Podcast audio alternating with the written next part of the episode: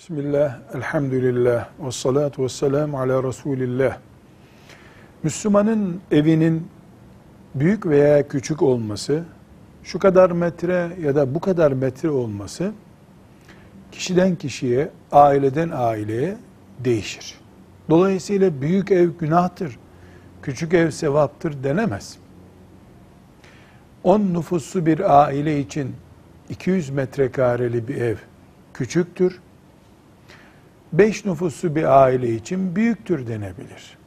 Herkes evinin büyüklüğü veya küçüklüğünü ihtiyaçları ve o evin ihtiyaçlarını karşılama durumuna göre belirlemelidir.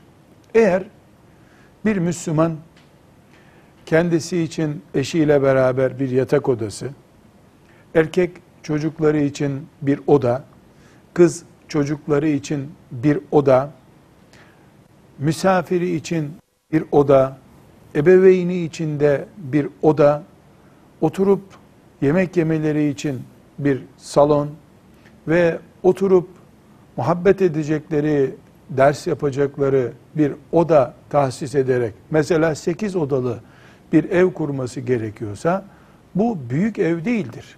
İhtiyaç için kurulu bir evdir helal parayla alındığı sürece, haram karışmadığı sürece bu ev büyüktür veya küçüktür diye bir ölçü yoktur. İsraf haramdır. İsraf da nedir?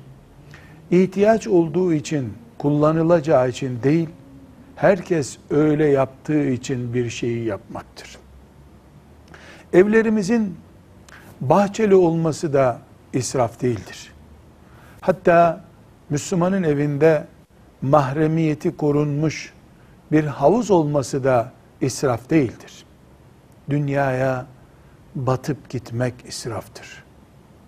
Üç günlük bile olmayan dünyayı ebedi cennet zannetmek israftır. Velhamdülillahi Rabbil Alemin.